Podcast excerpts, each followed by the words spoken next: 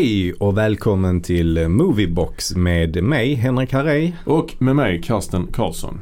Idag är det ett mycket speciellt avsnitt. För vi kommer nämligen börja med vårt nya koncept. Ja, ja precis. Vår nya programpunkt. Koncept lät lite, hår, lite liksom stort men eh, det är klart. Det, det, vi hade ju Bergmankollen som var ett folkkärt eh, inslag. Kan man säga det? Förra ja, året. verkligen. Fick många glada tillrop kring detta. Precis. Och då har vi bestämt oss för att ha något liknande i år. Dock inte lika omfattande. Och årets eh, återkommande tema är ju då eh, Andrei Tarkovsky. Mm. En annan arty regissör. Mm. Så vi, vi, som vi sa i vårt nyårsavsnitt så eh, pratade vi om våra nyårslöften. Ja, Och då bestämde vi oss för att vi skulle se alla Tarkovskys filmer i år. just det. Och det är ju inte alls lika många som Ingmar Bergman utan det, detta är, alltså det rör sig om sju filmer. Och eh, vi tänkte då se dem i kronologisk ordning för att göra det tydligt och enkelt. Mm. Och vi ska då inleda då den här programpunkten idag I Mm. detta avsnittet. Och programpunkten heter Närbild Tarkovsky. взгляд на искусство, следует прежде всего ответить на другой вопрос, м, гораздо более важный и общий. Вообще, зачем человек живет? В чем смысл человеческого существования? Precis, Närbild Tarkovsky. Och eh, vi inleder då denna Närbild Tarkovsky programpunkt med hans första långfilm som är då Ivans barndom. Mm. Ivanovo Destvo. Okej, ja. Säkert. Destvo. Något sånt. Ja, det låter bra. Mm. Eh, han, eh, han hade gjort eh, några kortfilmer eh, och, och sådär tidigare. Just det. Någon eh, film i, under skoltiden och, och så. Ja, precis. Eh, vi kan ju prata lite om Tarkovsky. Det kan för alla kanske inte har stenkoll på eh, Tarkovsky. Nej, Eh, precis. Han var ju en sovjetisk då regissör. Mm. Född 1932. Ja. Och död 1986. Mm. Så han blev ju endast 54 år gammal. Precis. Eh, som sagt, född i Sovjet. Mm. Eh, han eh, utbildades vid den statliga filmhögskolan VGIK i Mm. Moskva. Eh, och eh, mellan 61 och 82 så var han eh, anställd som regissör vid filmbolaget Mosfilm. Just det.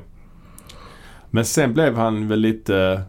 Pers- Persona non grata Ja. tror jag. Han- Vi, vi får komma till det längre fram känner Ja. jag liksom.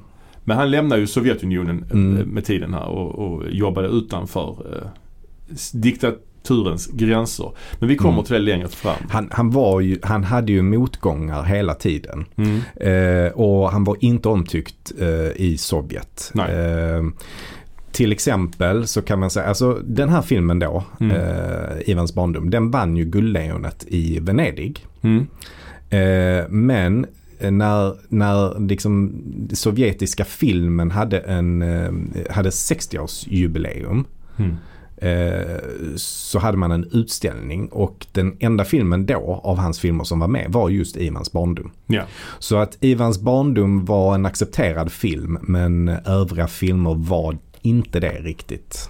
Alltså Ivans barndom, det som gör att den antagligen var accepterad är väl att det är en krigsfilm. Mm. Som Mm. skildrar eh, Sovjet och dess framgång under andra Mm. världskriget. Mm. Exakt ja. Så att det är väl därför.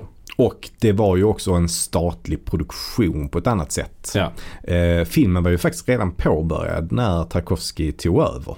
Mm. Så att eh, man hade påbörjat filmen och börjat spela in men så eh, ersatte man eh, regissören. Mm. Eh, och då var det liksom att Tarkovsky sökte jobbet bara. Ja, alltså, ja, det var, det, så han kom bara in från, från flanken Mm. eh, på detta. Så att det är intressant. Ja det är intressant för han kom ju då att bli en av de stora filmkonstnärerna på 1900-talet. Mm. Och han Mm. var ju uppskattad, upphöjd och idoliserad av andra regissörer som till exempel Mm. Ingmar Bergman. Även Mm. om Bergman hade liksom en mycket längre karriär och en tidigare karriär så var ju Mm. Bergman väldigt imponerad av just den här filmen när han såg Mm. den första gången. Verkligen. Och det är intressant att eh, i Ryssland eller ja, nej, Sovjet får man väl säga faktiskt. Mm. Eh, de hade ju tidigt en väldigt stark eh, film... De var starka inom filmområdet ju, Jo, ja. eh, tidigt. Mm. Eh, vi har ju Eisenstein och Mm. Vertov och det finns fler man kan Ja. nämna. Eh, som ju var med och, och grundlade mycket och drev filmmediet framåt. Ja, Eh, men men det, det, detta är ju 20-talet kanske? Eller ja, ja, oh, ja men precis. typ något sånt. Ja, det är det. Kanske lite tidigare också. Ja, det också. Men eh, framförallt på 20-talet då kom ju liksom Eisenstein med sina Mm. Potemkin och Oktober och allt vad de hette. Och sen kom Vertov också med Förlåt, framför- vilken film? Oktober. Och Inte den, den andra. Potemkin. Ah. Du menar Patjomkin? Patjomkin, ursäkta uttalet. Ja, ja. Mm. How, how could I? Och sen kom ju också eh, Ver- Vertov med sin eh, Mannen Ma- med filmkameran. Du menar Kinimat e apparatum. Nej det är något sånt heter den. Mm. Den blev ju för övrigt, Mannen med filmkameran hamnade ju på typ topp 10 på de bästa filmerna någonsin på den här Side and Sound-listan. Ja men det köper jag. Ja. ja det gör jag också. Mm. Oh ja. Det, rakt av alltså. Ja. Det köper jag. Eh, Mm. jag köper det. Mm. Ehm, Tarkovsky hade också några filmer med på topp 100. han hade det alltså? Ja, jag vet Mm. inte om denna var med som vi ska prata om idag men Mm. jag vet att både eh, Spegeln och jag tror även Stalker och Solaris var med faktiskt. Mm. Så det är Mm. några stycken ju. Mm. Kanske någon till. Ja, vi, vi får, vi får Ja. återkomma med, med det. Ja, det får vi göra. Eh, var var vi någonstans i Tarkovsky-snacket? Ja, hur hur 60-årsjubileum och det där. Mm. Det var bara Ivans barndom som eh, var med på 60-årsjubileet. Ja. Eh, och det var bara den filmen som var accepterad. Ja, precis. Eh, övriga eh, fanns det väl lite... De var, gillades inte riktigt Nej. kan man säga. Men du, Men, men, det jag skulle säga var ju också att efter den här perioden med, med de här starka eh, filmskaparna i den här Mm. tidiga, tidiga eh, filmperioden då. Eh, så efter kriget eh, Naturligtvis så drogs filmproduktionen ner under, under själva kriget och sen när Stalin kom till makten så, så eh, drog han ju också ner det successivt eh, för att han såg det som ett hot. ja. Eh, Så att det, det blev väldigt lite filmer gjorda fram till hans död kan man säga. Mm. Och det var väl 53 tror jag han dog. ja, det kan det ha varit ja. Tidigt 50-tal. Mm. Någonstans där ja. Ehm, Så att där drog man ner på produktionen ordentligt. Men sen så eh, startade man upp det igen eh, på 50-talet. Mm. Eh, Och man eh, drog igång den här skolan då i eh, Moskva. Eh, Där då så småningom Tarkovsky utbildade sig. Eh, Ja, och då är vi helt enkelt framme vid hans debutfilm Ja. Ivans barndom 1962. Eh, vad handlar den här filmen om, Karsten? Jo. Den här filmen handlar om en pojke som heter, Ivan? exakt ja. Och eh, han är Ivan. I, Ivan. Eh, och Ivano, Ivanovo.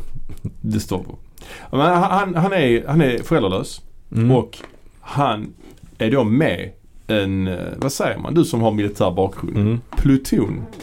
Skvadron. Ja, ja, det Förband. Ett Mm, förband. Ja, man kan säga alla de, alla de är, är korrekta benämningar skulle jag säga. Men, Ja. men en pluton betyder ju att den består av två eh, tropper tror jag. Mhm. Och en tropp består av två grupper. När du sa tropp, är det samma sak som trupp? Nej, det, det heter tropp liksom. Men vad är skillnaden på tropp och trupp? Ja, trupp, det kan ju vara, det, det är lite mer allmängiltig Ah, eh, okej. betydelse. Du kan, Mm. du kan ju syssla med till exempel, alltså en trupp är, en, är väl en grupp. Truppförflyttning. Det är bara, det är bara ett lö, en lös liksom benämning på en grupp tror jag. Ja, okej. Men en tropp betyder två grupper. Ja. Och en grupp, i alla fall när jag gjorde lumpen, var åtta personer. Så en, En grupp, en trupp och en tropp. nej ingen trupp, skit i trupp. Det Finns, finns, finns det gropp också? Som en blandning av trupp och, och grupp och tropp. En grupp Gropp. är åtta personer. En Okej. tropp är två grupper. Så det är 16 personer. Ah, okej. En pluton är två tropper. Oj, Fyra grupper. oj. Så det är då 32 personer. Det är som tjog och gross och sånt. Ja, eh, Så ja, dussin. exakt. Dussin är... eh, ett, Det är 12. ja och ett gross Det är är då... 12 gånger 12. Eller? Ja, Nej. jag tror det. Ja, det jag tror det. ett gross. 144. Finns Men- det parti också? Ja. Ja. Och eh, hektar. ja, Fam, famntag. Ja, ja. Var, var inte det också en... Famntag. eh, Famnar. Det är väl, sånt, famnar, det är väl har med ubåtar att göra och sånt. Fathoms. Ja. Alltså på vattendjup. Så. Nu är vi ute på... eh, Ja exakt, djupt vatten. Flera famnar djupt. Nej men eh, han, han jobbar, han, alltså den här föräldralöse pojken Ivan, han hänger med de här militärerna, hur många de nu är. Detta är under andra världskriget ju. Mm. Hans föräldrar blivit dödade av tyskarna. mm. Och han joinar den här eh, gruppen soldater och hjälper dem med diverse uppdrag. Kan man ja säga men det? han är scout väl? Han är ute och scoutar terrängen och sånt Ja. och letar efter fiender och styrkor och sånt. Och låter ganska actionorienterat detta ju. Men det kanske det, det kanske det inte är egentligen. Om man säger så. Nej, det, är det, det, är det, det kan man inte säga. Nej. Eh, Men det är ju också ett av befälen som har tagit sig an honom. eh, Som, som kommer att adoptera honom efter eh, när kriget är, är slut och så. Just det. Och sen är det någon subplot också med en kvinnlig militär och en manlig militär som är lite Mm. betuttade kan man säga. Mm. Just det. Ehm, men det är ju, detta är ju storyn då. Mm, det, är- det, det är storyn. Men i- utförandet i- av denna storyn är ju något annat. Ja, precis. Och, och det som är intressant med hur den här filmen är gjord är att man, man fattar ju inte riktigt vad, det, vad, vad som händer hela tiden. Nej, nej. Eftersom f- det, något som är supercentralt i den här filmen är ju Mm. drömmar. Det Ja. finns ju vid flera tillfällen i den här filmen att, Mm. att den här pojken drömmer. Ja. Eh, så att filmen börjar ju med en dröm som är otroligt vackert filmad tycker jag. Mm. Eh, det ser väldigt, väldigt fint ut och, och till en början förstår man ju inte heller riktigt att det är en dröm. Eh, men vi ser den här pojken då som är hel och ren och det är solsken ute och han springer på någon äng. Ja. Och sen helt plötsligt så börjar han flyga. Alltså kameran, Ja.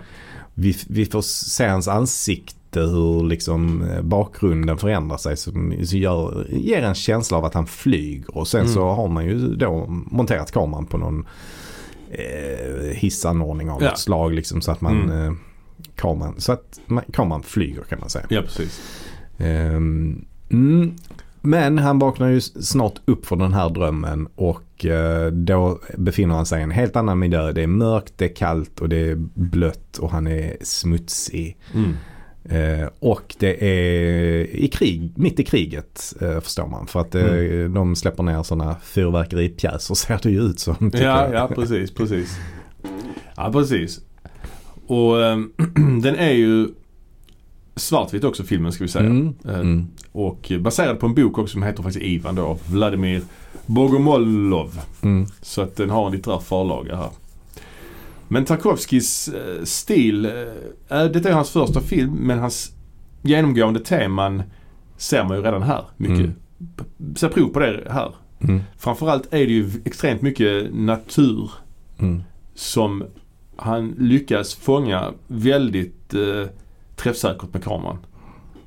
Det lät lite fattigt när jag sa så men, men just det där att hur han beskär bilderna, hur han använder bakgrunden och det är ju egentligen bara natur. Men han får den att se intressant ut för Mm. naturfotografi kan vara förbannat tråkigt ju. Mm.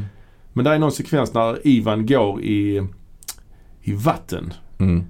Eh, vad är det? Träsk eller någonting? Kan man Mm. säga det? Mm. Men just hur vattnet är helt stilla och det är liksom grått. Och det är nästan samma färg som himlen. Och alltså alla träden som sticker upp. Det ser så jävla snyggt ut alltså. Även den scenen där han är i, mitt i en björkskog. ja, och det, det är verkligen bara björkar där. ja, Alltså, ja, det är skitsnyggt. mm. Där är en sekvens också där den här, de här soldaterna som är lite betuttade. Där de Mm. har en liten kärleksscen där, där de kysser varandra.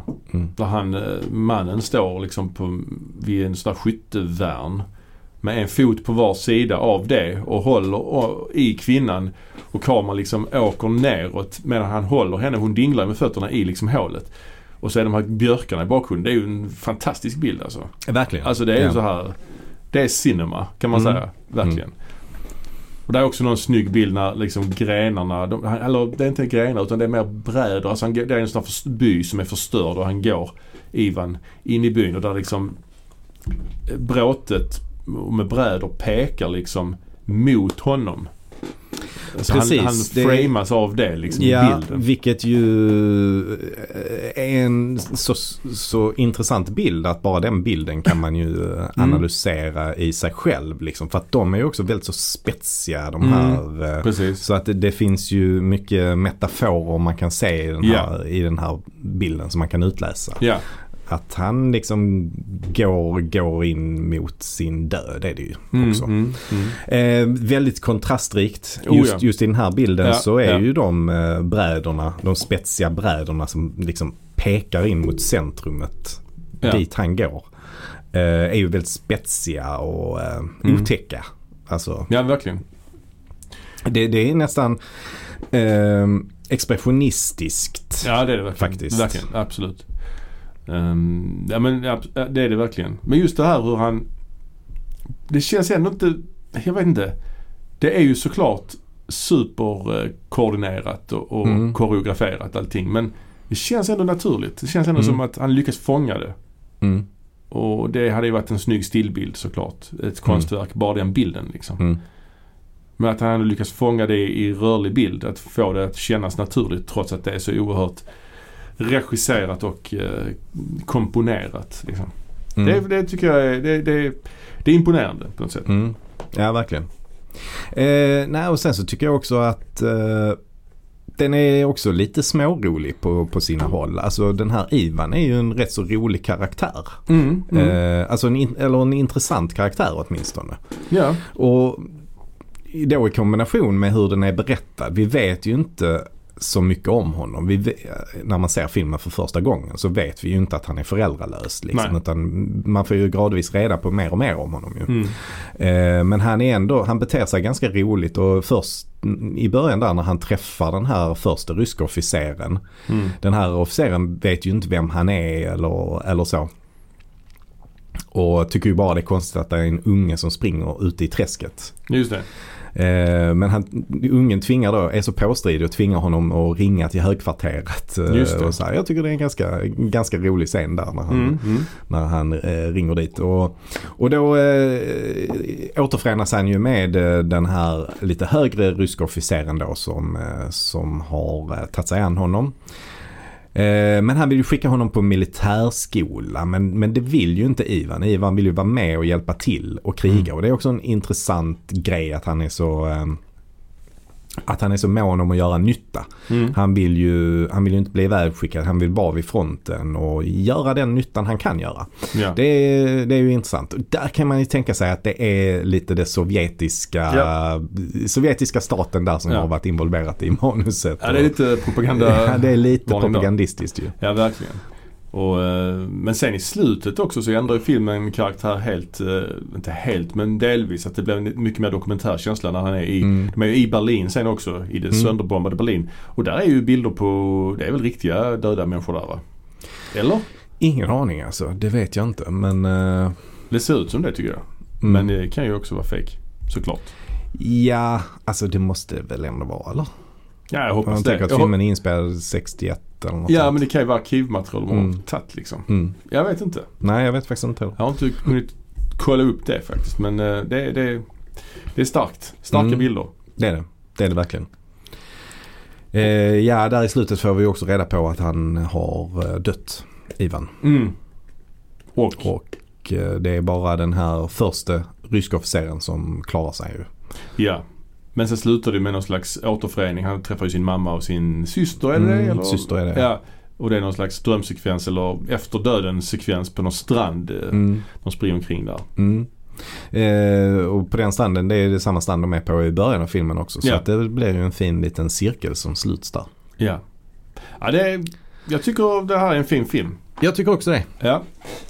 Kanske inte liksom... Jag har inte sett den innan heller. Nej, inte jag, jag. jag hade inte jättehöga förväntningar. Jag hade inte låga förväntningar. Jag hade, jag hade förväntningar.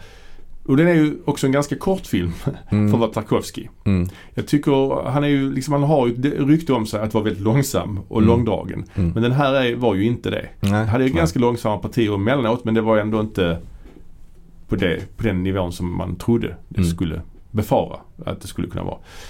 Men jag tyckte det var bra. Mm. Och eh, man ser som sagt återigen här liksom fröet till ett konstnärskap som kommer att eh, utvecklas ytterligare. Mm. Och, Ja men definitivt. Ja. ja men det var kul att eh, äntligen inleda vår nya programpunkt här då, Närbild Tarkovsky. Mm. Och eh, vi kommer ju väl, som vi gjorde med Bergman, i det sista Närbild Tarkovsky som vi kommer, ja det kommer i höst någon gång tänker jag. Mm. Kommer vi väl ranka alla filmerna. Ja det får vi göra ju. Antingen att vi har en gemensam lista som vi gjorde med Bergman eller att vi har varsin. Mm. Det är lite, ja, vi får se. Mm. Men ska vi stänga närbilden för den här gången? Det gör vi. Okej, då är det dags för eh, avsnittets eh, huvudfilm. Och detta är ju en film från barndomen. Ja, verkligen. Och filmen vi ska prata om heter The Princess Bride från 1987. Ja, eller som det heter på svenska, Bleka dödens minut. Just det. Jag har för mig att det stod på planschen Bleka dödens minut med ett lyckligt slut. Okej. För det rimmar, ju- rimmar ju. Ja, för det är ju en väldigt vacker titel. Bleka dödens minut. Ja, ja. Poetisk, men den, den är väldigt, den är väldigt intetsägande. Eller inte intetsägande, men den, den, den passar inte egentligen på filmen. Nej, jag, har, jag fattar inte var det kommer ifrån. Alltså det finns en, det finns en dikt som heter Bleka dödens minut. Mhm. Eller en visa är det, av Birger Sjöberg från eh, 1922. Okej. Jaha. Alltså är det det? Är det, är det därifrån det kommer? Men det är väl en rätt så, alltså det är typ någon, någonting man har på begravningar och sånt. Tror jag. Ja, nej jag förstår inte det. det. Det är ju någon sekvens, det är ju en karaktär i filmen som dör. Mm. Om det har med det att göra. Han kommer tillbaka sen i och för sig. Men om det är där. Om det Bleka, nämns i... bleka dödens minut. Ja. Ja, ja, Nej, jag vet inte. Ehm, är det någon där ute som eh, har någon information om eh, hur eh, liksom de svenska översättarna jobbade fram titeln här? Ja, just det. Så vill vi gärna veta. Vi kan bara gissa. Ja, vi kan och, bara gissa. Och det, jag har ingen bra gissning. Ja, det är Birger Sjöberg då. ja, precis. Princess Bride är också en lite konstig titel tycker jag. Ja, inte? jo. Prinsessbruden. Jo, ja. Alltså, Ja, va, va, ja. Det Ja men det, det, det kan jag ändå, det kan jag ändå först- förstå. Alltså hon är en, hon ska bli prinsessa när, Ja. när hon gifter sig. Alltså, ja, det ska man Det är inte svårare än så. Det är i alla fall Rob Reiner som har regisserat den här filmen. Ja, och han är ju en Jack of all trades höll jag på att säga. Mm, han, är, han är ju lite skådis också och komiker. Mm, Och han är ju son till Carl Reiner som är någon Mm. legendarisk komiker. ja. Men här under den här perioden var han ju verkligen inne i, alltså vilket eh, decennium han hade där. Alltså i, om man, om man räknar från Spinal Tap 1984. Ja. Det är Och hans debutfilm. Det är hans debutfilm, ja. Ja. Och, och, och efter det gjorde han Stand By Me 1986. Sen kom Princess Bride 87. När Harry mötte Sally 89. Ja. Misery 1990 och Och- A Few Good Men 1992. Ja, det är faktiskt... Det är en åttaårsperiod där Ja. med idel klassiker kan man ju säga. Ja, han gjorde en film till där som heter The Sure Thing men den är inte lika känd ju. Nej, den hoppar jag över. Ja, precis. Det är inte alls lika känd. Men i Nej. övrigt så är det ju som sagt idel klassiker. Ja. Eh, och ganska olika typer av filmer Ja men också. helt olika grejer. Alltså Ja. Misery och, och eh, Princess Bride och Stand By Me och så Spinal Tap och sen när Harry mötte Sally. Alltså det är helt... Ja, Spinal Tap är en fake-dokumentär.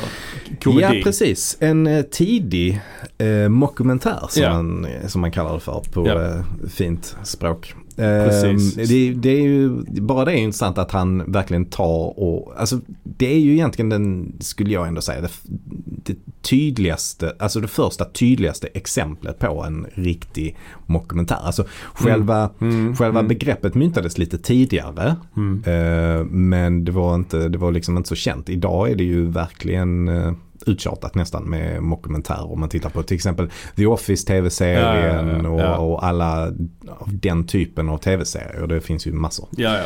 Och sen Stand By Me är ju en coming of age historia baserad på Stephen King.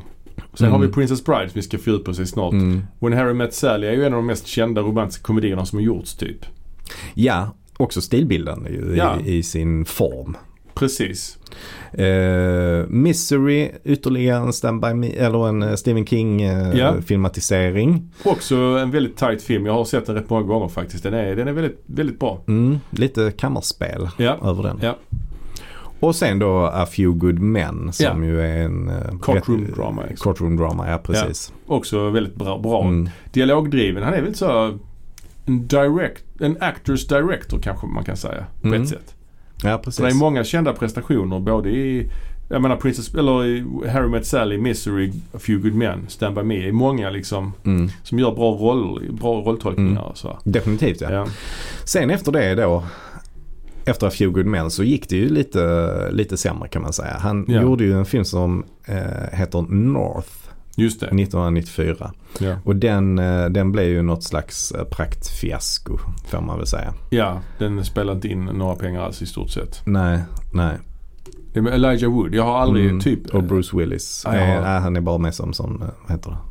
Eh, na- narrator. Ja, Narrator ja. Ja, nej det, det är ingen film man kommer ihåg. Så han har gjort någon American President med han eh, Michael Douglas. Mm, mm. Som gick rätt så bra. Men eh, det är ju ingen film man kommer ihåg idag så att säga. Nej, och sen gjorde han ju också den, eh, hette inte den The Bucket List?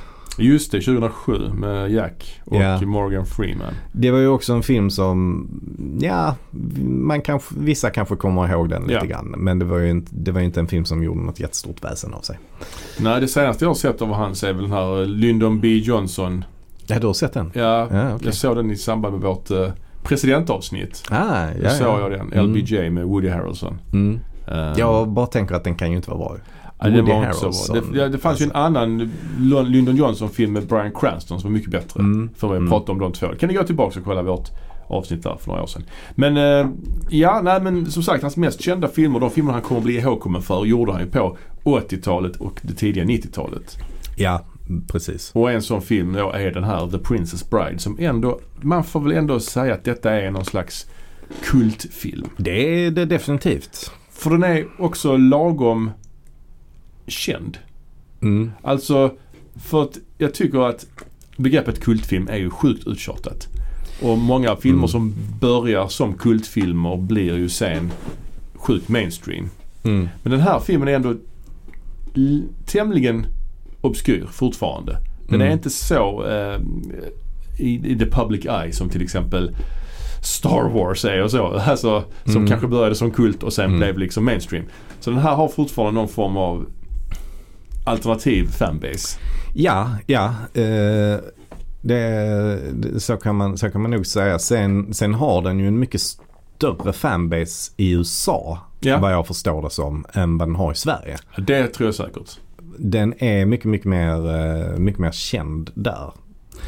Eh, I Sverige känns det som att ja, men det är de i vår ålder som såg den då när den kom. Ja. Men, men den, har, den har nog inte levt kvar på samma sätt. Alltså, den har liksom inte visats lika mycket på tv Nej. och sådär som den har gjort i USA. Ehm, men i USA är det ju verkligen alltså, folk som kan alla citat och, Ja, och det är- sådär. För att det är en film som är eh, känd för sina citat också. ja, det är många one-liners, Mm. många repliker. Mm. Eh, och eh, den är ju baserad på en bok, ska vi säga också, William Goldman. Mm. Och han är också en lite intressant figur när det gäller eh, böcker och framförallt Ja, manus. Dubbel Oscarsvinnare Ja, för Butch Cassidy och uh, Sundance Kid. ja, And the Sundance Kid och All, All the President's Men.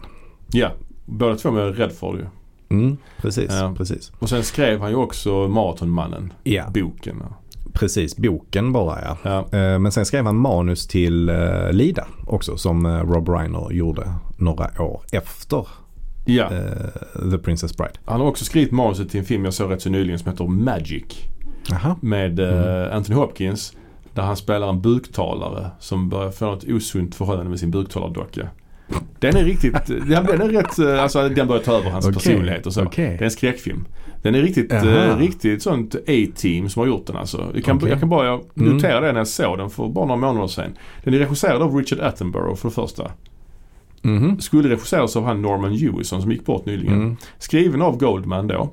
Mm. I rollistan har vi då Anthony Hopkins, Anne Margaret, Burgess Meredith Mhm. och eh, den är också eh, han David Ogden Steers, vet du vem det är? Nej. Han var med i MASH, lite så kraftfull, kraftfull, kraftig herre. Skitsamma. Det ringer ingen klocka. Musik i alla fall, Jerry Goldsmith. Ja. Så den var en, ri- en riktig sån eh, Mm. eh, jävla bra gäng helt Mm. enkelt. Han har också gjort den här Memoirs of an Invisible Man som eh, Carpenter. Carpenters film. Ja, Ja, han har skrivit, skrivit den också. Så Ja, det är lite ja. intressant faktiskt. Ja, ja. ja, ja. Eh, men med tanke där på eh, musik av Jerry Goldsmith sa du. Ja. Här är det ju Mark Knopfler som har gjort musiken.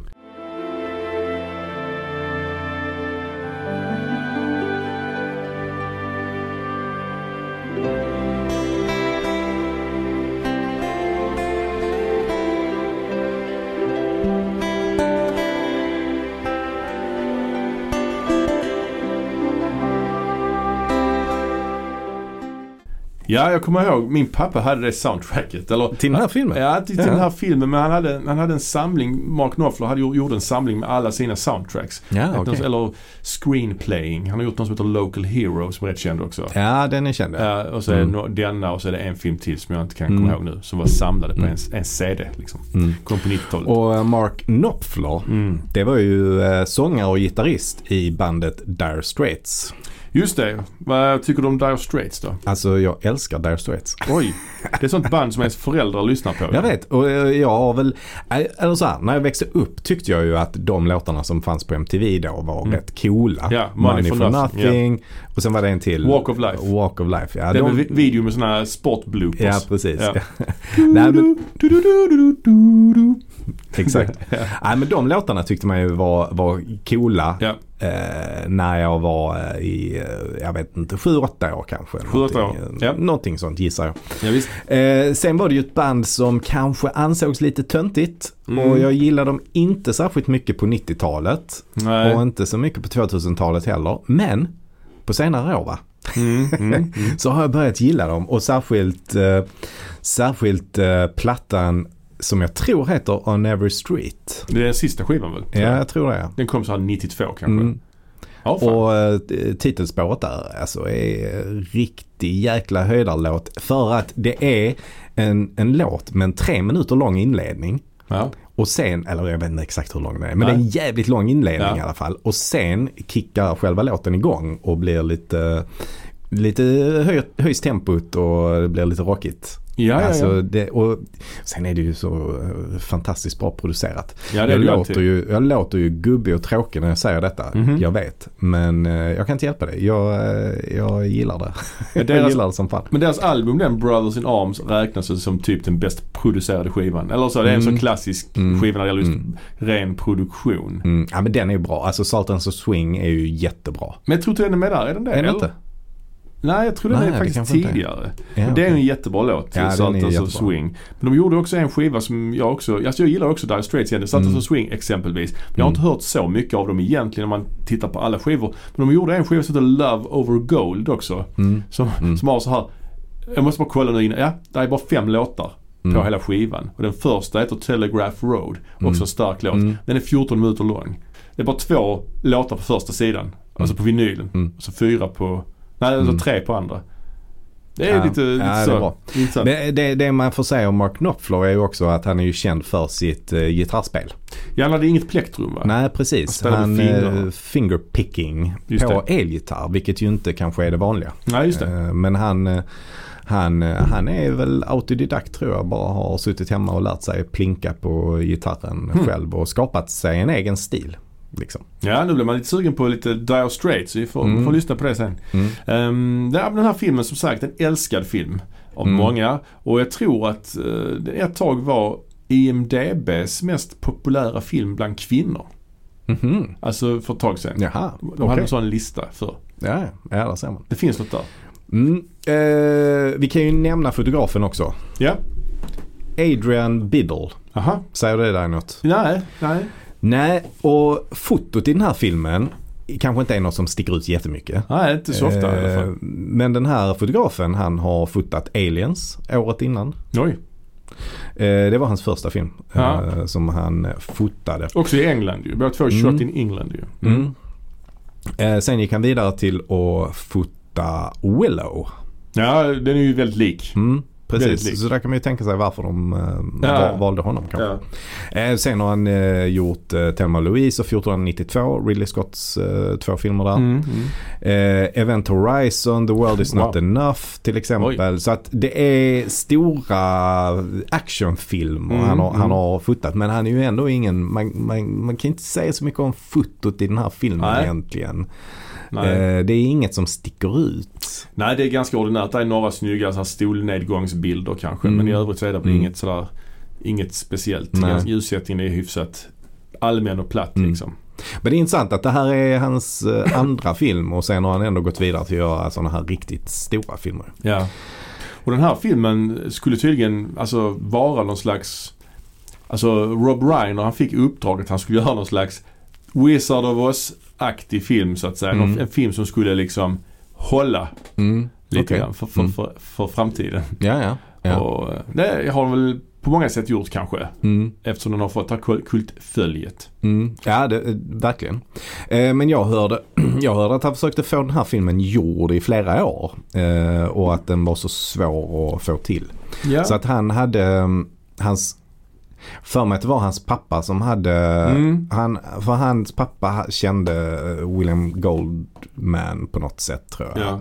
Eller om de hade jobbat ihop eller vad det, hur det nu var. Men hans pappa fick i alla fall Fick den här boken då när den släpptes. Eh, så att eh, Rob Reiner läste den och ville ända sedan dess göra, göra film på den. Och fick till slut rättigheterna till den Ja. och försökte få den producerad eh, under ganska lång tid. Liksom. ja, det var någon sekvens han berättade om när han hade gjort Stand By Me och de Mm. sen sa du får göra vad du vill. Mm. Så sa han, Mm. ja jag vill göra Princess Bride. Ja, Mm. vad som helst utom den. ja, precis, Jag förstår ja. inte riktigt det. Nej, jag förstår inte det Det var en ganska älskad bok ju. Ja, ja. Jag vet inte riktigt hur boken är men boken är väl skriven som om den är skriven av någon annan.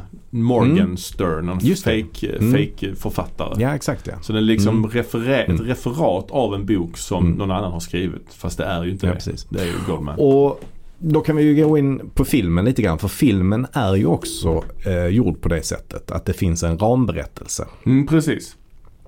Så att eh, det är där handlingen tar sin början. Vi har en eh, liten pojke då som Mm. ligger hemma eh, och är sjuk. Så han är hemma från skolan. Och hans morfar ska komma och passa honom.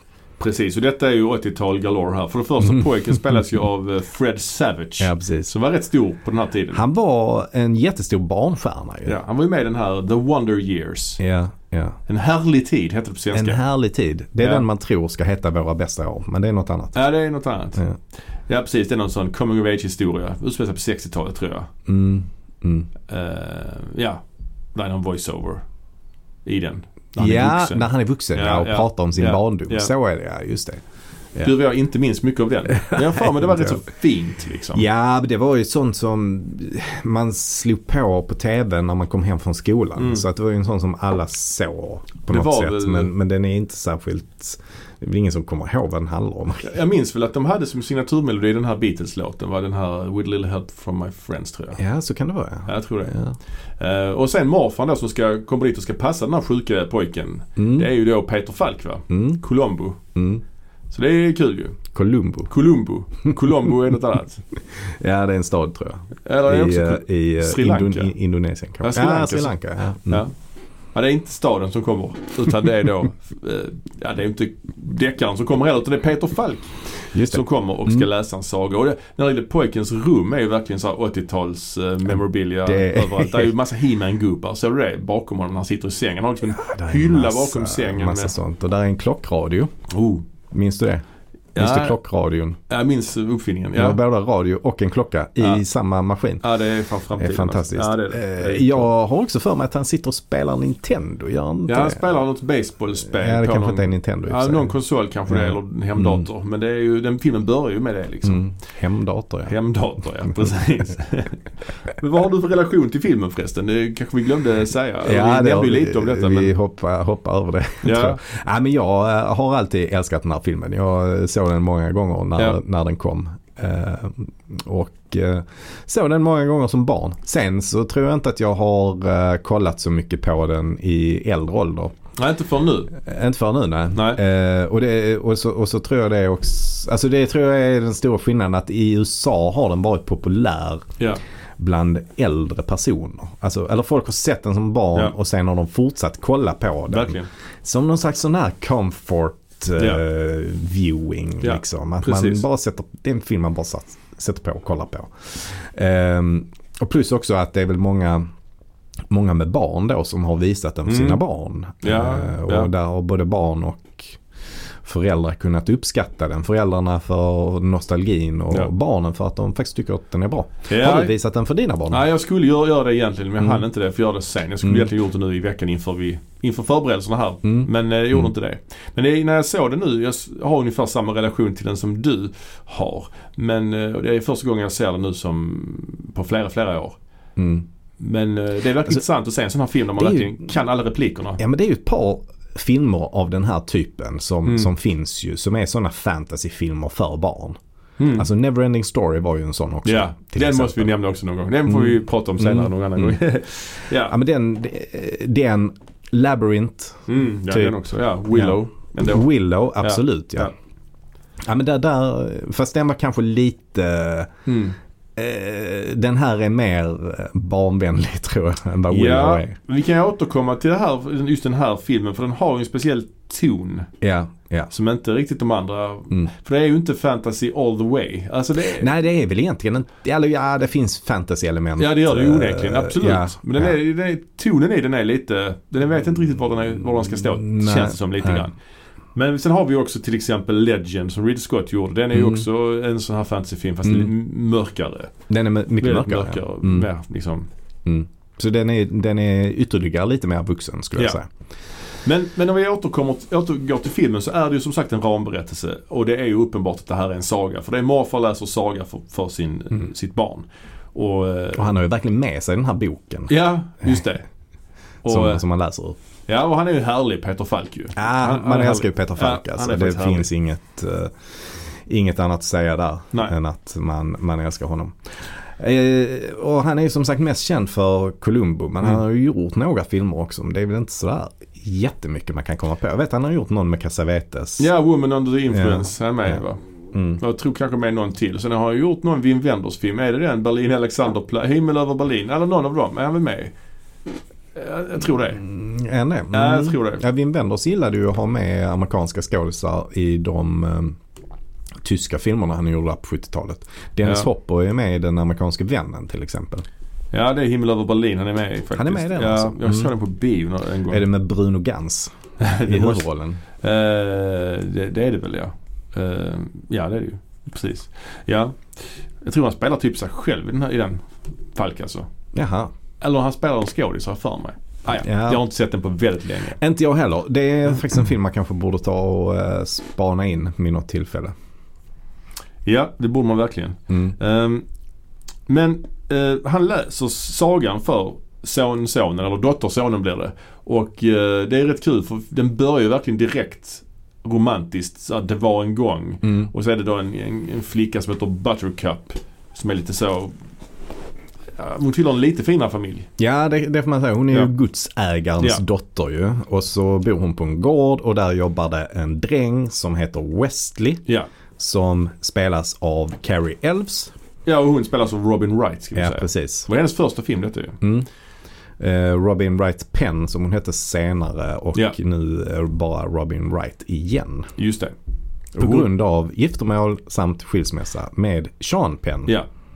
Och eh, hon var ju med senare i Forrest Gump till exempel. Mm. Och, eh, och eh, den här eh, tv-serien var på Netflix. Ja, House eh, of Cards. House of Cards. Hon har gjort en hel del annat också. Men det är väl de två hon är mest känd för. Hon var med i nya Blade Runner också tror jag. Den här Just 2049. det. Mm. Hon är också med i den här Millennium-filmen. Alltså Finchers Stig Larsson. Har jag för mig. Mm, okej. Liten roll Mm. bara. Hon, hon Ja, hon har inte gjort man har inte sett henne i allt för mycket faktiskt. Nej, faktiskt inte.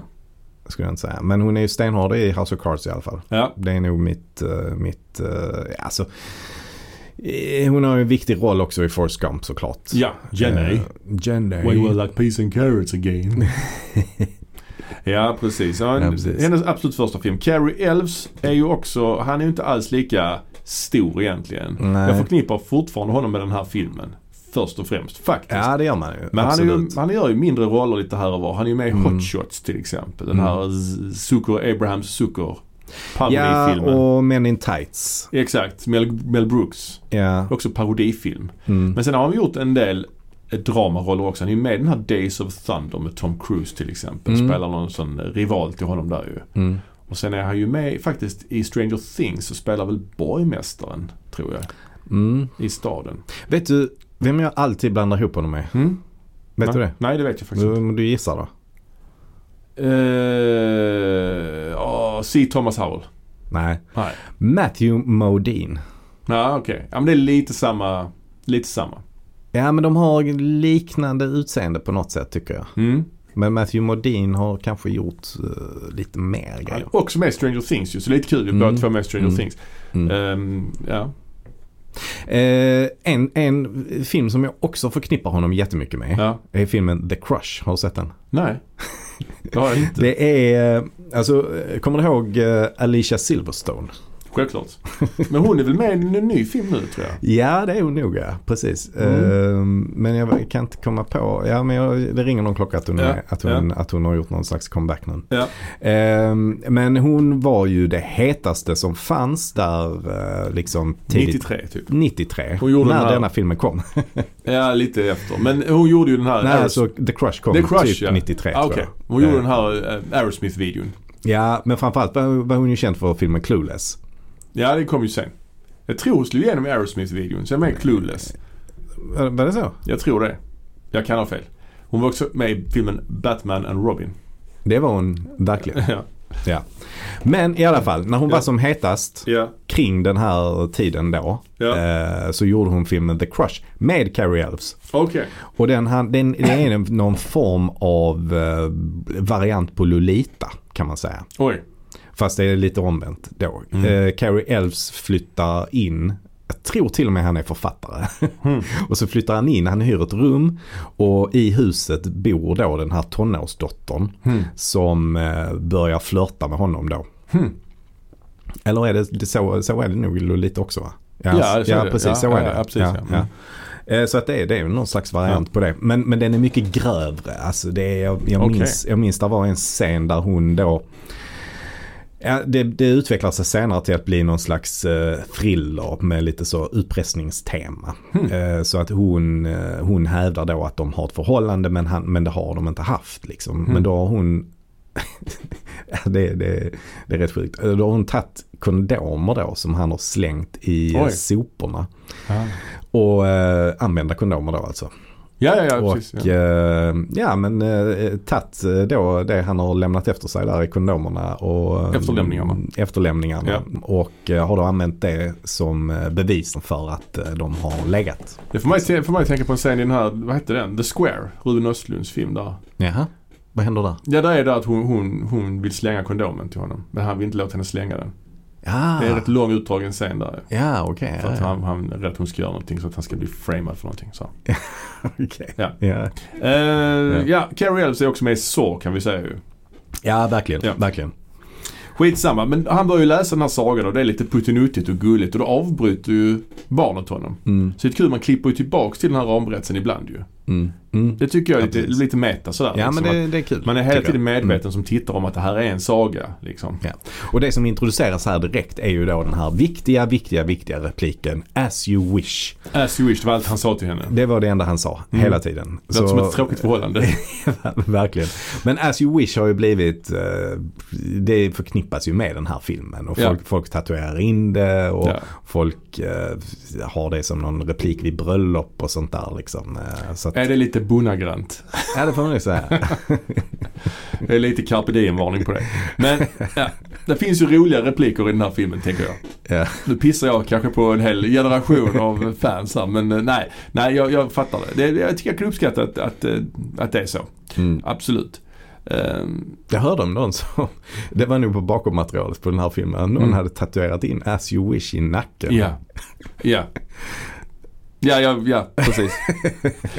Vi går vidare. ja, ehm, en, eh, vi har ju också då ehm, ett, en hel del andra kända namn i den här filmen. Ja, det är- men det har vi. Det, och det, och det är som, som du sa där innan. Mm. Det är ju det som på något sätt gör den här filmen. Ja. Alltså karaktärerna. Ja, ja. Och verkligen. de är, de är ju extremt färgstarka får man säga. Och de här, den castingen här. Skulle det någon, någon, någonsin delats ut en Oscar för casting så är det väl till den här filmen. Ja, och när vi sitter och spelar in detta så kommer det komma en, eh, alltså har nyheten briserat att det ska komma en eh, casting-Oscar. Precis. Eh, Kan och- man nominera så här gamla filmer? Eller? Jag tror det är svårt. Mm. Jag tror det ska vara eh, en viss tid filmen är gjord. Ja. Året som gått. Ja. Men, Ja, men en dag så försvinner Wesley ja. eh, från gården. Eh, och det sägs då att han har rövats bort av eh, en blodtörstig pirat vid namn Roberts. Just det. Eh, så att han, han försvinner och i den vevan så blir då eh, Buttercup bortlovad med en prins Ja. Som spelas av Chris Sarandon. Prince Humperdinck. Prince Humperdinck. Det är ett roliga namn. Mm. Buttercup och Humperdinck. Ja, han heter, ja, precis. Chris Sarandon och han har ju varit gift med Susan Sarandon en Mm. gång i tiden. Därav eh, Susan Sarandons Ja. eh, namn. då. Han har ju inte aldrig varit sådär jättestor. Men han är ju med en del. Han är med i Fright Night, spelar vampyr till exempel. Spelar trans, transperson i Mm. eh, Dog Day Afternoon. Jag tror han blev nominerad för den rollen faktiskt. Mm.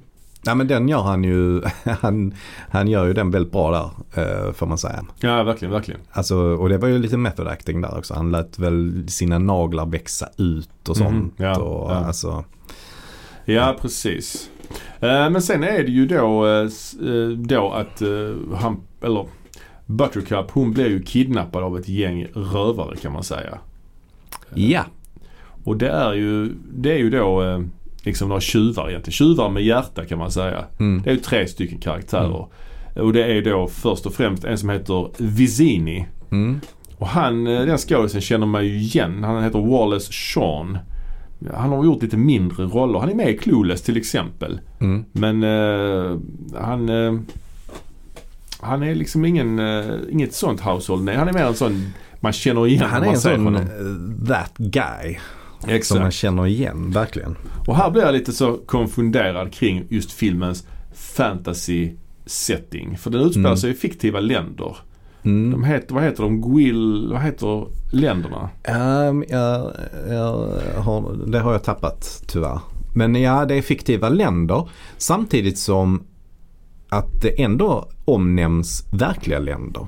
Det jag menar att han är ju sicilianare den här Wallace Shawns karaktär. Ja. Vizini. Han är- ser dock inte särskilt siciliansk ut Nej, han pratar säga. utan någon brytning. Han Ja. pratar ju amerikanska dessutom. Ja. Inte ens Ja. brittiska som man Nej. brukar ändå ha i fantasyfilmer. Men han har en av filmens bästa repliker. Inconceivable. Ja, men det var faktiskt inte den jag tänkte på. Utan Ah, okej. jag tänkte på Never go in against a Sicilian when death is on the line. Ja just det, just det. Men de här länderna de utspelar sig heter Florin och Gilner. Ja. Men så ja. finns också Sicilien Mm. och Spanien nämns ju också. Mm. Så att det finns ju även länder i vår värld som liksom i den här världen. Ja, exakt. Exakt. Han har ju två kumpaner med sig. Ja, och de är ju mycket mer namnkunniga. De är mer namnkunniga och då har vi till exempel Ja. Mandy Patinkin. Mandy Patinkin. Ja. Eller Mandel Patinkin som han egentligen heter. Just det. Och han är ju någon slags, egentligen någon slags musikalstjärna liksom. Slog igenom på Broadway Ja. eh, och sen ehm, i sin första filmroll tror jag det var var ju den här filmen med Barbara Streisand som hon producerade själv som heter Gentle. Just det, Gentle. Gentle. Mm. Ehm, som jag inte har sett och troligtvis inte kommer att se kanske. Jag vet inte. Nej, tve- tveksam. Han, han är också med i Dick Tracy. Mm. Warren Beatys Mm. film där han spelar piano och har sig och sjunger och så.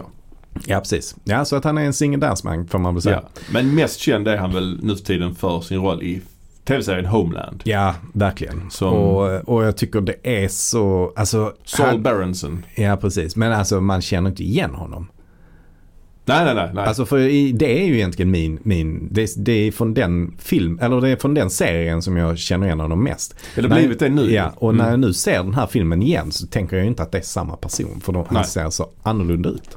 ja, han spelar ju eh, Inigo Montoya. som är en spansk eh, rövare Ja, och precis. en riktig swords master. Ja. Och han har ju också eh, en av filmens mest kända citat ju.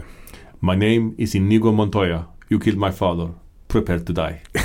Exakt. För hans pappa har blivit mördad av en man med sex fingrar. Ja. Och Inigo då skulle försöka hämnas när han var liten, 11-12 år. Men blev då istället eh, förnedrad av den här Mm. eh, sexfingrade mannen. Han gav honom två R, ett på varje kind. Ja. Och hans livs liksom, uppdrag är att hitta den här mannen igen. Mm. Och den tredje rövaren är ju en väldigt stor skådespelare. ja, och det är väl din idol kan man säga. Ja, det är min idol kan man faktiskt säga. Det är då Andrei Rusimov eller som han är mer känd som Andre the Giant. En av de största legenderna inom wrestlingens värld. Ja, eh, jag undrar om det inte till och med är den största, alltså så här, Ja, ja, ja. inte, inte billigt talat. Eller jag menar billigt talat. Ja, och ordet legend är ju något som är extremt ur vattnet, Mm. det begreppet. Men i det här fallet så är det ju verkligen en legend den här personen. Mm. Det är ju som jag såg, det finns en dokumentär som HBO har gjort om honom. Och där är någon som säger att han är en sån person som man nästan inte tror att han har funnits på Mm. det sättet. Att han är liksom som en sagofigur come to life. Mm. det, alltså, ja, det finns en del sådana människor som, har, som man blir liksom förvånad att de har funnits. Och han är lite åt det hållet ju. Han var ju eh, wres- wrestler och han hade någon slags eh, Alltså medicinskt tillstånd som gjorde att han fortsatte växa ju. Så han blev ju Mm. skitstor. Ja, men gigantism. Ja, gigantism, något sånt. Det var någon, någon körtel i hjärnan eller Mm. någonting i hjärnan som utsöndrar något, något hormon som gör att man växer. Mm. Även ens inre organ växer. Det är väldigt smärtsamt. ju. Han hade ju oerhörda problem med rygg och knän i slutet Mm. av sitt liv. Han dog ju bara några år efter detta. ju. Han dog ju Mm. så 93 liksom. Eh, men det han är mest känd för är ju hans extrema intag av alkohol. Mm. Alltså, han, har man hört så historier att han kunde beställa in så 36 öl. Mm. Och eh, de berättar ju på bakmaterialet när han skulle dricka, vad var det? Beaujolais ja, Nouveau. ja, Och det, eh, Beaujolais är ju en, eh, ett visst typ av vin då som eh, ska drickas, eller det kan drickas under hela året men, men Ja. man dricker det gärna färskt. Så Ja. att när den första flaskan buteljeras så kallas det för Beaujolais Nouveau. Just det. Och då, det släpps alltid vid en viss tidpunkt Ja. på, på året då. Och då- på, på hösten. Och då beställde de det i baren Mm. och han beställde en hel låda till sig själv. mm. Han drack 20 flaskor själv. Ja, det är så tosigt. Sen dagen efter sa han att han känner sig lite trött. A little tipsy. ja. Ja, det finns många. ja, nej men det är så bisarrt ju. Alltså, Ja, ja, ja. Mm. det är ju också... Men det, var ju, det gick ju också mycket myter om att han, att han ändå drack mer än han kunde hantera. Ja, ja. Eller inte myter, men historier. Ja. Att han eh, kom in på hotellet och somnade i lobbyn. ja just det. Och Och, honom. nej, liksom. och de försökte väcka honom, gick inte. försökte flytta honom, det gick inte heller. Så Nej. de fick liksom linda in honom i en matta för att han skulle ha något Som täcke. Ja. Ja, och likadant när han skulle, alltså han var ju så stor när han åkte flygplan och sånt fick han ju sitta i två säten. Mm. Man kunde inte gå på toaletten på flygplanet heller så han fick ju liksom göra sina Mm. behov i en, liksom en flaska lite sidan om. Lite, Mm. för Mm. Han gick ju inte in på hotell eller Nej. en pla- flygplanstoalett liksom. Nej, nej precis. Nej, man har ju hört många historier från wrestlingvärlden också. Många av Ja. de samtida wrestlarna som Jake the Snake Roberts och sådär. De Ja. har ju pratat om hur det var att Ja resa med honom och jobba med honom. För de var ju ibland ute och turnerade. Det var ju Ja det gjorde de ju Liksom. hela tiden. Mm. Liksom. Mm. Eller det är ju så det funkar. Det är någon slags never-ending tour, wre- wrestlingen. mm, Och eh, han, eh, han satt ju ofta och spelade kort backstage med folk liksom. Finns ju, de nämner rätt mycket om WrestleMania 3. WrestleMania är ju den stora wrestlinggalan Mm. på året ju. WrestleMania 3 det var ju något i hästväg. Det var ju där i Pontiac Silverdome. Silver Doom. Silverdome. Apropå Arne Hegerfors Mm. där nyligen Mm. bortgången. När Sverige spelade i fotbolls-VM 94. Men detta var på 80-talet och då hade de ju WrestleMania 3 där inför en publik på 93 000 människor. Mm. Och eh, där var det ju enligt legenden att han till frukost åt en omelett och drack sex flaskor vin. och där var han också sådär, där är ju Hogan, han mötte Hulk Hogan där i main eventet och då är han med och blir intervjuad i den här dokumentären. Men i den här dokumentären som jag kan verkligen rekommendera där är ju också Robin Wright och Cary Elves och Billy Crystal med. Mm. Och Rob Reiner Mm. tror jag. Så det är rätt många från den här filmen Mm. med i den dokumentären. Robin Wright nämner ju att de spelade ju in på kvällen utomhus och hon frös. Då tog han sin hand och la så på hennes huvud för att hålla henne varm som en mössa. ja, okej. Det berättar hon där i det. Det är rätt roligt faktiskt. Mm. Ja. Nej, men jag tror alltså bland gemene man som inte har så bra koll på wrestling så Mm. är det väl kanske han och Hulk Hogan som fortfarande är de kändaste wrestlarna. Ja, ja. ja det är ikoniskt också den matchen där Mm. när han, Hulk Hogan lyfter honom och slammar honom. Och det var också enligt den här eh, som, som alla vet så är wrestling uppgjort ju. Det är ju ett manus de Mm. följer. Men enligt den här eh, dokumentären så var ju det inte klart. Det här manuset så att säga. Mm. Och Hogan han skrev ett manus hur matchen skulle vara. Och så Mm. frågar honom chefen där, hur ska vi göra? Vem ska vinna ikväll? Uh, uh, frågar Andre och så gav inte han honom ett rakt svar heller. Nej. Men inte förrän i ringen så av, avgjordes det. Men det, Mm. det låter som en skröna för att det känns osannolikt att de inte skulle ha klart hur det skulle sluta inför 93 000. Ja, alltså huvudmatchen, nej jag tror, jag, jag tror inte på det. Nej, Men det är en det bra historia i alla ja, fall. det är en bra historia. Ja, ehm, Men eh, ja, han är ju, han är inte helt lätt att förstå vad han säger ju. Nej, han är ju fransman Ja. från början. Och det är ju intressant också att han, han hade ju ändå lite så humble beginnings. Alltså uppvuxen på någon bondgård på Frankrike. Ja, I Frankrike. ja. Ehm, och hade väl tänkt sig att han skulle jobba kvar där Mm, eh, mm. resten av sitt liv. Men han var ganska duktig i skolan så. Och sen blev han helt plötsligt upptäckt. Och så började han ju turnera som wrestler istället. Först i Frankrike tror jag. Ja. Och runt om i Europa. De intervjuar hans familj i den här dokumentären, hans bröder, Mm. hans, kanske Mm. hans mamma också om hon lever fortfarande. Det kan inte vara det, hans syster kanske. Ehm, och det roliga är att han, åkte, han fick ju skjuts till skolan eh, på en sån här eh, pickup truck. Av, vet du vem som skjutsade honom till skolan då?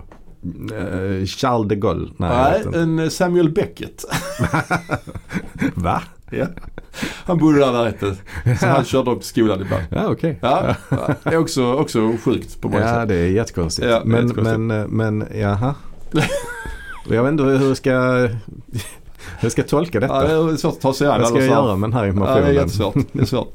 Ja. Samuel Beckett, alltså Ja. vänta nu. Samuel Beckett, alltså, alltså- pjäsförfattaren. exakt, I väntan på Godot, har han skrivit det? Nej. Ja, kanske. han? Ja, jag tror det. Det är, det är märkligt. Han är ju så... eh, eh, Alltså väldigt... Alltså han gör ju inte... Ja, nej jag vet inte. Jag är... Jag är helt perplex, Karsten, Ja, ja. Över, över denna information. Jag vet inte riktigt hur jag ska hantera det. Men, ja. Men Ja. eh, som fransman så förstår, jag ju ändå att, förstår man ju att han hade en förkärlek för vin kanske då. Ja, det är klart. Det är klart. Ehm, Men det var även annat har jag hört. Contro drack Con- han också mycket. Ja, direkt ur flaskan. Som, som så. Alltså det, ja, det finns mycket, finns jätte, jättemånga stories kring detta och han åt ju också sjukt mycket naturligtvis. Mm. Ehm, men ehm, så att det är ju en jävla cast det här gänget ju. Det är det. Och då har vi inte ens nämnt eh, alla. Vi har, du nämnde lite snabbt Billy Crystal. Ja, han är med i någon scen. Mm. spelar någon slags, Mm. eh, Miracle ma- Max. ja, någon slags magiker ju. Ja. Trollgubbe. Känns väldigt Mel Brooksig, den Ja. karaktären. Ja, verkligen. Ja, men det var ju väl eh, till och med eh, alltså, baserat på honom. Han Mm, försökte mm. ju vara Mel Brooks. Mm, precis, liksom. precis. Ehm, eh, Chris Sarandon nämnde vi och Mm. Humperdinck hette ju hans karaktär. Men han har ju också en hjälpreda. Ja, Och det är, spelas ju av Christopher Guest. just det. Det är han eh, spelar Tyrone Rugen och det är ju då mannen med sex fingrar visar det Mm. sig. Så det blev en liten uppgörelse där. Men det är Christopher Guest och han är ju känd för eh, just Spinal Tap. Mm. Han gör också en liten roll i Few Good Men faktiskt. Jamie Lee Curtis fru. Eller man. Eller man. Mm. Mm, precis. Ja, så att eh, det är en hel del en hel del namnkunnigt folk med. Men sen är det ju då att de, de kidnappar henne, tar med henne ut till havs på sin båt och de åker förbi något ställe där det, på vattnet där det finns massa skrikande ålar. Mm. Så det börjar bli lite så, de blandar in lite sådana här magiska vidunder. Mm. i- Ja, i här har vi filmen. lite, lite fantasy-element som kommer in. Ja, precis. Och de märker också att det är en båt som följer efter dem. Mm. Så man får liksom följa det här banditgänget och de kidnappar henne. Det är inte helt tydligt här vem som är huvudpersonen i den här filmen. Det, det, det är liksom väldigt hoppigt ju. Mm. Man har etablerat eh, den här kärlekshistorien men den är ju är ju avslutad väldigt snabbt ju. Så den har en väldigt speciell dramaturgi den här filmen får man Ja, säga. eh, definitivt. Alltså i, i det här i- liksom är det ju på något sätt ändå Fred Savage som Mm, ja, är ja. huvudkaraktären än så länge kan man säga. För att Ja, Peter Falk kommer dit och berättar den här historien Mm. om dem och de har ännu inte fått några riktiga identiteter. Alltså Nej. But- Buttercup har ju inte gjort så mycket egentligen mer än sagt eh, olika, beordrat Wesley olika Ja. saker liksom. Och Wesley han har ju bara sagt as you wish hela tiden. ja. Sen kommer då de här tre banditerna. ja precis. Eh, Sen då. börjar man ju följa dem mer och mer. Man börjar Mm. glömma Fred, Fred Savage eh, Mm. historien, eller Ja. situationen liksom. Sen återkommer man till den ibland liksom. Då har Mm. man nästan glömt det. Ehm, och, eh, men ja, hon hoppar i där och de räddar henne från ålarna. Mm. Och sen så ska de klättra upp för en bergvägg som heter Galenskapens klippor eller något sånt. Ja just det. Mm. Det är det- bra namn. Ja, och ett sånt skönt studiebygge också. Där liksom Ja. Verkligen så frigolitklippor i närbilderna. Ja. Men då har de ju den här svarta figuren efter sig. Ja. Eh, som är på det här skeppet som förföljer dem. ja, han ser ut Eh. som Zorro verkligen. Ja det gör han. Verkligen. Ja. Ja. Eh, så att de klätt, klättrar upp för, för ett rep där. Och Mm. eh, Andre the Giant är ju den som eh, klättrar åt alla tre, Just eller det. alla fyra i det ekipaget. Ja, han bär ju de andra tre. Mm, ja, precis. Ja. Eh, och sen så klättrar då den här svarta figuren eh, efter, efter dem då.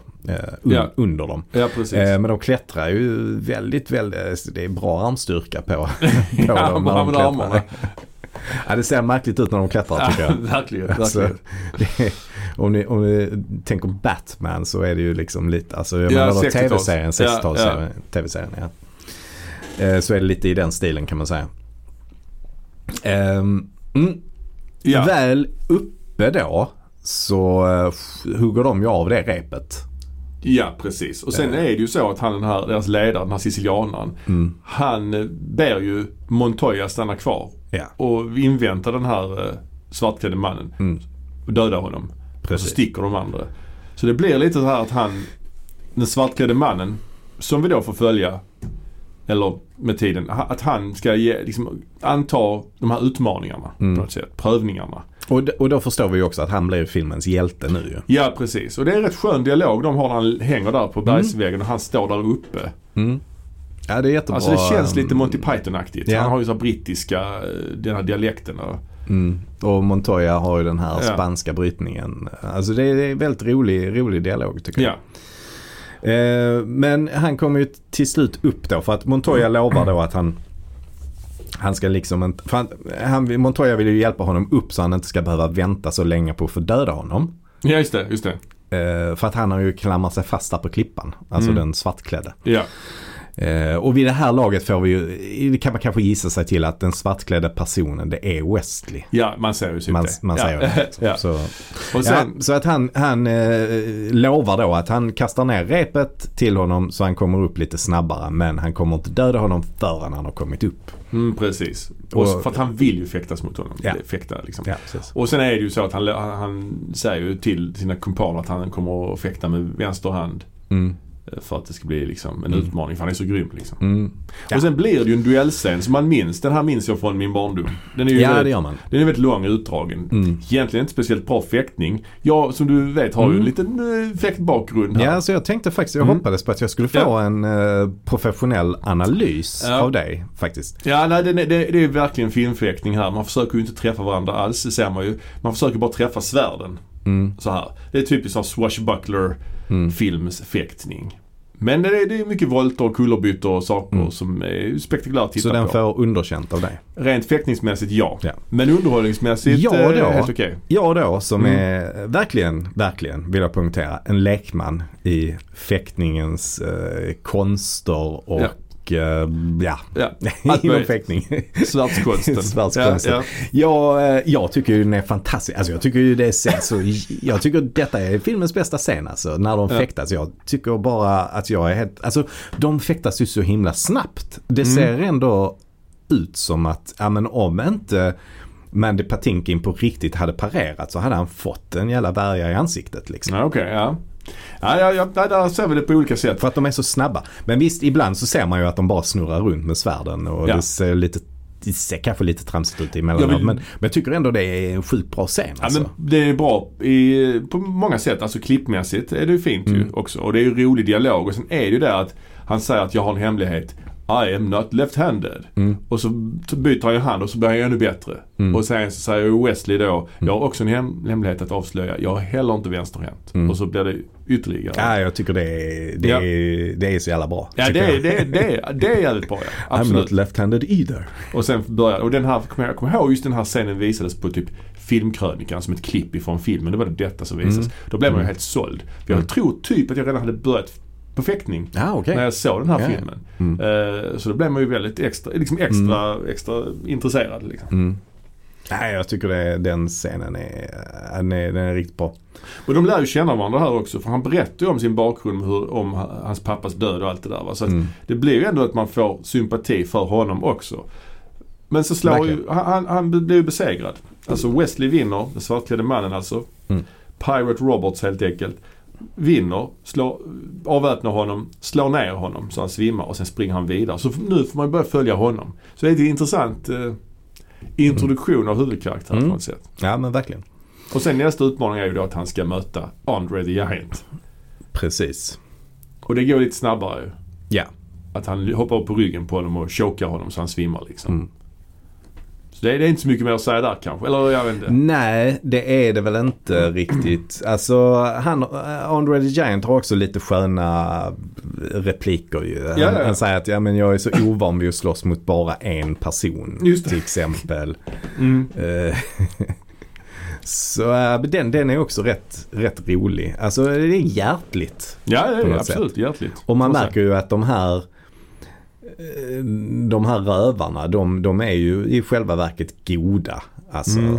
trots att de har kidnappat Buttercup och sådär. Så, Ja. så är de inga onda personer liksom. Nej och han deras ledare, han eh, sicilianaren, han är ju liksom en, alltså han är ju tramsig liksom. Ja. Alltså han är, han är ju en sån där, han, är ju ingen smart person. Nej, han är väl kanske den som är mer ondskefull Ja. av dem, får Ja. man väl säga. Och den sista utmaningen är att han ska då eh, besegra honom med hans, hans cleverness. Ja, exakt. Så han har ju, och det är också tycker jag en jättebra scen faktiskt. Mm.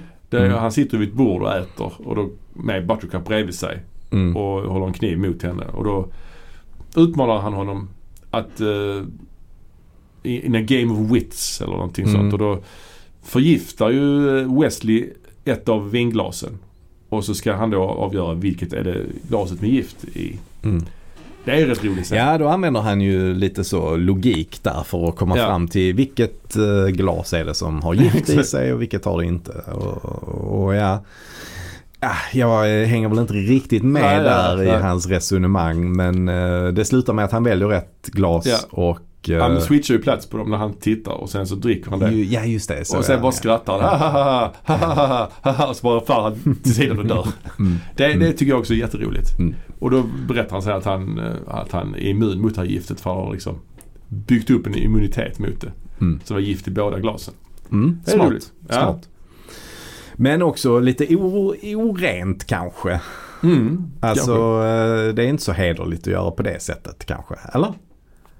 Nej, nej det är det ju inte. Det är Nej, inte. nej. Men han är ju en pirat å andra sidan. Ja visst, visst. Det har du rätt i. Ja, Ja, och sen, får, sen så berättar han ju för henne att han dödade Wesley, säger han. Mm, Och eh, att han är the pirate robots. just det. Och så puttar hon ner honom från kulle och medan han rullar ner för kullen så säger han As you wish. Och då förstår hon att det Ja. är verkligen Wesley. Och då hoppar hon ner för kullen och rullar också. Det är lite så. Och det är också konstigt. Det är också lite så. En annan typ av humor på Ja. något sätt. Det är också lite så nakna pistolen humor Ja. eller något i den stilen. Och sen blir det liksom en fantasy-sekvens. De går in i något som heter Eldträsket. Mm, Där det också finns stora råttor. Rodents of Mm. unusual size. mm, Och det är rätt roligt. Han, det är också så här. Eh, hon frågar de här råttorna och så säger han I don't think they exist. Och precis när han sagt det så blir han attackerad av en. Det är också lite roligt. ja. ja. Ja men det är eh, spänning här på, på hög nivå. De eh, hoppar ju ner även i en sån uh, kvicksands... eh, Just det. Mm. Hon trillar först ner och då tar han en lian som räddningslina och hoppar efter henne. Ja precis. Nej sen är det ju eh, att han blir fångad. Alltså prinsen kommer dit och eh, tar med sig henne. Och Wesley blir då tagen till en slags tortyrkammare. Då är det han den här Mel Smith som Mm. spelar någon slags albino. Han Mel Smith var lite så stor på han var stor på 90-talet och 80-talet som så här komiker i England har jag för mig. Ja precis. Smith and Jones hette de va? Griff, Ja, det Griff. Rice Jones och Mel Smith. Ja, De var rätt stora. Ja, jag, eh, jag känner igen honom som Ja. jättemycket men jag kan inte alls placera det. Jag vet inte alls var jag sett det. Men det måste vara något sånt engelskt grej Ja. som har visats på tv. Ja, alltså tv-personlighet liksom. Mm. Det Ja. fanns ju rätt mycket sådana engelska serier som visas på svensk tv. Mm, Som, som liksom inte, The Young Ones och sånt menar du? ja eller så Benny Hill Ja, till exempel. Benny Hill. Alltså, men som Benny Hill, alla i vår ålder vet ju vem Benny Hill var. Jo ja. Men han är ju inte känd för något annat än den där konstiga serien. ja. Och det var väl sådär. ja, ja, precis. Nej, men sen var det ju också annat. Det var ju så Tommy Cooper. Kommer du ihåg Ja, shit ja. Han som hade en sån fes på huvudet. Ja, det är så mörkt. Du vet att han dog på scen va? Nej. Visste du inte det? Nej.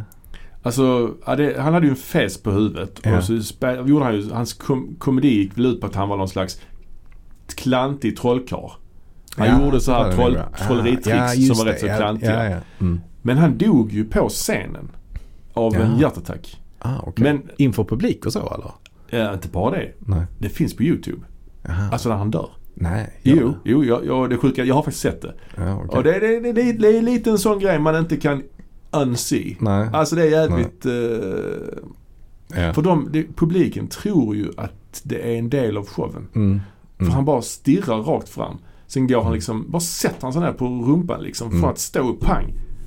Och alla bara skrattar. Sen bara faller han bakåt. Pang. Och sen typ drar de in honom bakom ridån. Mm. Och sen bara slutar det. Ah. Ja det är, det är riktigt, eh, Ja. alltså det är riktigt, eh, ja, det, det, ja, det är sånt klipp som är liksom Det är konstigt att det får ligga kvar på YouTube Ja, om det, är fortfarande finns där. Ja verkligen. Mm. Det är lite som Mondo, eller vad man ska säga. Ja, exakt. Ja. Ja.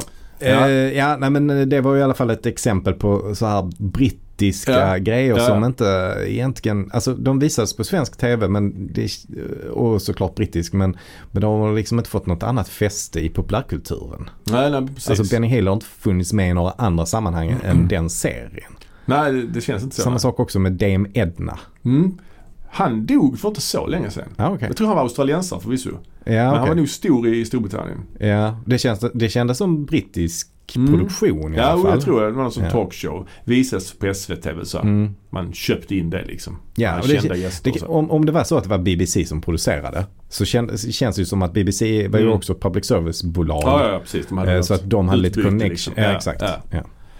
Och sen är det då att Inigo och eh, eh, Fesic, Mm. eh, Andre the Giant alltså, de behöver då Westleys hjälp för att kunna storma slottet. För att Inigo har ju fått nys om att den här mannen med sex fingrar finns där ju. Just det, men han är inte tillräckligt smart för Nej. att komma på hur han ska storma. exakt. Så. så därför behöver de Wesleys hjälp. Så Pre- är det. Mm. Precis ja. Och då tar de sig, tar han hjälp av sin döde far ju. Att han ska guida honom. Mm. Och då hittar han ju den här ingången till den här tortyrkammaren och där hittar de ju Wesley död. Mm. Men de tar då hjälp av den här magikern som Ja. spelas av Billy Crystal för att få liv i Miracle honom. Max. Ja, och frun där spelas av Carol Kane också ju. Mm. Mm. Så han var only mostly dead eller något sånt. Just det. Mm. Så han får liv i honom igen men han liksom, hans kropp fungerar inte riktigt. Han är liksom förlamad och sen börjar han få tillbaka sina, sina rörelser lite mer och mer, och mer allt eftersom. Och ja, de tar sig in i slottet. Det blir liksom en, en slutduell mellan Inigo och den sexfingrade mannen. Där han då får säga det här. My name is Inigo Montoya. You killed my father. Prepare to die. Säger det skitmånga gånger också. Där han, när han fäktar mot Men honom. det är också roligt att den, den scenen föranleds ju av eh, en scen där Inigo Montoya fäktar ner hans vakter. Just det. Eh, och då är det bara han kvar. Och då har man ju ändå byggt upp honom som, eh, alltså för så som Inigo minns honom Ja, så var han ju en duktig och modig eh, krigare. Ja. Men när det bara är han kvar så är det en rätt rolig scen faktiskt när han bara så här, vänder klacken och bara springer därifrån. Just det, som en sån jaktscen. En sån chaser-scen Ja, istället. Den är rätt, det är rätt, eh, rätt kul för det kommer väldigt oväntat. Ja, man, man tror ändå att han ska, att det ska bli en fäktduell där. Ja, ja. Men eh, nej det blir det inte. Han springer iväg istället. Ja precis, och när han kommer efter honom då får han en kniv i magen. Mm. Alltså Inigo får en kniv i magen. Där tror man att han ska dö faktiskt lite grann. Att han ska klara det. Ja. han kan, men han klarar ju Han besegrar ju honom i duellen och överlever dessutom ju. Mm. Man tror ju ändå att han ska avlida faktiskt. Och ja, Wesley räddar ju Buttercup. Prinsen blir besegrad. Och det är verkligen ett lyckligt slut ju. Mm. Helt enkelt. Och då eh, får vi, klipper man ju tillbaks till Fred Savage och hans morfar. Och han säger kan inte du komma hit imorgon och läsa sagan en gång till? Och då Mm. säger han As you wish. Precis ja. Ja, ja men det är fint ju. Ja men det är fint ju. Det, det är en film som sagt som jag har sett väldigt många gånger och jag har alltid gillat den. Mer när jag var liten. Jag tyckte den var roligare när jag var liten än vad jag tycker nu. Mm. Alltså humorn är Den är lite, ja den är lite märklig ton. Det är ibland lite så här barnfilm. Mm. Ibland är det lite som Mel Brooksigt Mm. med roliga amerikanska dialekter och sånt. Och sen ibland är det lite så Willow fantasy helt plötsligt. Mm. Fast med humor. Lite Monty Python. Ja, precis. Så att, men jag gillar den. Jag gör Jag det. gillar den också. Sen kan jag tycka att det, det är en film som hade tjänat lite på att ha lite mer budget. Ja, ja absolut. Eh, med tanke på scenerierna och scenografin och så. Alltså, eh, det ser lite, det ser lite ut som en Hammer-produktion ibland. Alltså. mm, mm. Eh, men, eh, till exempel när de klättrar, har klättrat upp för de här klipporna. Ja, ja. Vad heter Mm. det? Galna klippan? Eller? Ja. Ja, Clips of Insanity. Ja. Mm. Eh, när de har klättrat upp där, där ser man ju verkligen att det är ett studiobygge Ja. som inte ser så jättebra ut. Nej, men det är lite charmigt och å andra sidan. Men Ja, jag, jag håller med. Den, den är ju, filmen är ju, vad är den, 1.40 typ max. Mm, mm, Och det är ju lite sådär, man hinner ju inte riktigt landa någonsin i det för att man får ingen tydlig huvudkaraktär att Mm. hänga upp det på. För Wesley, han bara introducerar, sen försvinner han, sen kommer han tillbaka. Man lär aldrig känna honom. Han, första gången man får höra dem prata i stort sett är ju där i samband med duellen. Mm. Så man har liksom aldrig fått reda på hur han är som karaktär. nej, nej. Eh, Det gör kanske inte jättemycket men det är lite annorlunda berättat på det sättet ju. Mm, Och det bidrar, bidrar kanske också till filmens ton. Och, eh, men jag, jag, jag tycker jag tycker om den. Mm. Men sen kan jag någonstans inte förstå att det är så många som älskar den så mycket. För nej. den är ändå lite bagatellartad ändå alltså, kan Mm. jag tycka. Mm, För den är, den, är ju inte det är ju en kärlekshistoria men det är ju inte några, några high stakes. Allting går ju väldigt bra hela tiden. Mm. Och det är liksom rätt så Men det är lättsamt. väl kanske det som är filmens charm på något sätt. Ja. Att, det, att det är just en sån feel good comfort film fast en, eller en eh, fantasy-ish. Ja, det kan ju vara det. Det kan ju vara det. Det, det kanske är det som eh, gör att den är så populär. Att den, det, det, det, går bra, det går bra och det går bara bra för de goda kan Ja, man säga. visst. Ja, visst. Ehm, och, ehm, ja. En, en sak som jag inte tycker jättebra är Mm. musiken faktiskt. Mark Eh, Knopfler. Mark Knopfler. Även om jag Ja. eh, älskar Mark Knopfler så tycker jag inte att musiken riktigt kommer till sin rätta här. I Ja, denna okej. filmen. Nej, nej. Ehm, jag tror den hade tjänat på lite mer lite mer klassisk musik, alltså klassisk filmmusik Mm. hade mm. funkat bättre. Ja, eh, tycker jag. kanske det. Mm. Ja, Men jag, jag tycker också väldigt mycket om den här filmen. Eh, jag tyckte om den mer när jag var barn. Eh, Ja. Då tyckte jag den var bra på riktigt så att säga. Nu, Ja. nu tycker jag den är bra till viss del på grund av nostalgin. mm. Ehm, och det som jag tycker är bra är ju just karaktärerna. ja. Och eh, som sagt, fäktscenen är ju vad jag tycker filmens bästa scen. Eh, men det är, det är karaktärerna som gör det. Det är inte så mycket storyn eller att den är väldigt snygg eller spännande eller så. Utan det är att karaktärerna är roliga. roliga Ja. att hänga med Ja, ja faktiskt. men absolut. Och jag, jag, jag, kan, jag kan uppskatta sådana här filmer som har det här eh, kultföljet. Just att Mm, folk tar vara på sådana små grejer som Alltså att han, alltså hur han klär sig som piraten. Det är ju Mm. lite en cosplay-grej till exempel. Mm. Eller, eller just eh, alla de här replikerna. My name Mm. is Inigo Montoya och så vidare. Mm. Alltså att Mm. sådana repliker som om du If you know you know lite grann. Mm. Det inte, Mm. finns inte t-shirts att köpa på H&M som Mm. gör med Star Wars. Men det Mm. finns liksom ändå folk som kan de här replikerna. Det är lite alternativt. Sånt kan jag, sånt kan jag uppskatta. För det finns inte så mycket sånt kvar längre Nej, nej. på något sätt. För det är ändå en mainstream-film. Mm. Liksom. Det är ju inte någon obskyr 70-tals italienare. Utan det är Mm. ändå en mainstream-film. Men den är lite bortglömd. Men det finns ett fåtal hängivna som kommer ihåg den. Mm. Liksom. Och det tycker jag, det tycker jag är trevligt. Men eh, min favoritscen det är ju duellscenen.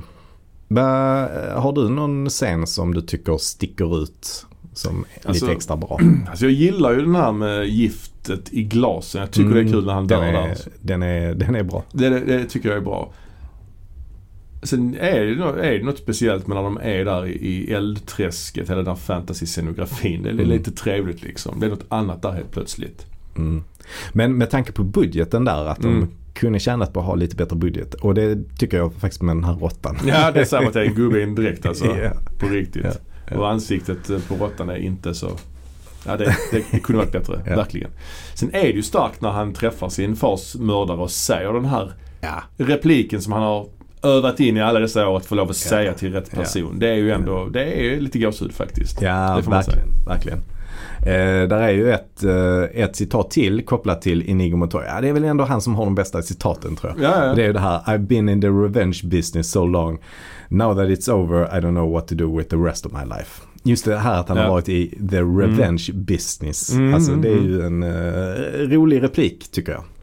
Precis och då säger ju Wesley till honom att då kanske han skulle bli nästa Pirate Roberts. Mm. För det visar Mm. sig att det är ju en sån roll som han har tagit av den förra Pirate Roberts. Mm. Precis som Fantomen lite grann. Ja, precis. Ja, ja kul. Ja, ja, men det här är väl en film vi eh, rekommenderar eh, alla att se. Det tycker jag verkligen. Jag tror, tycker ändå att den är hyfsat tidlös. Ja. Den håller Det- en. ja. Den håller en. Mm. Och en speciell ton som inte man ser så ofta längre. Mm.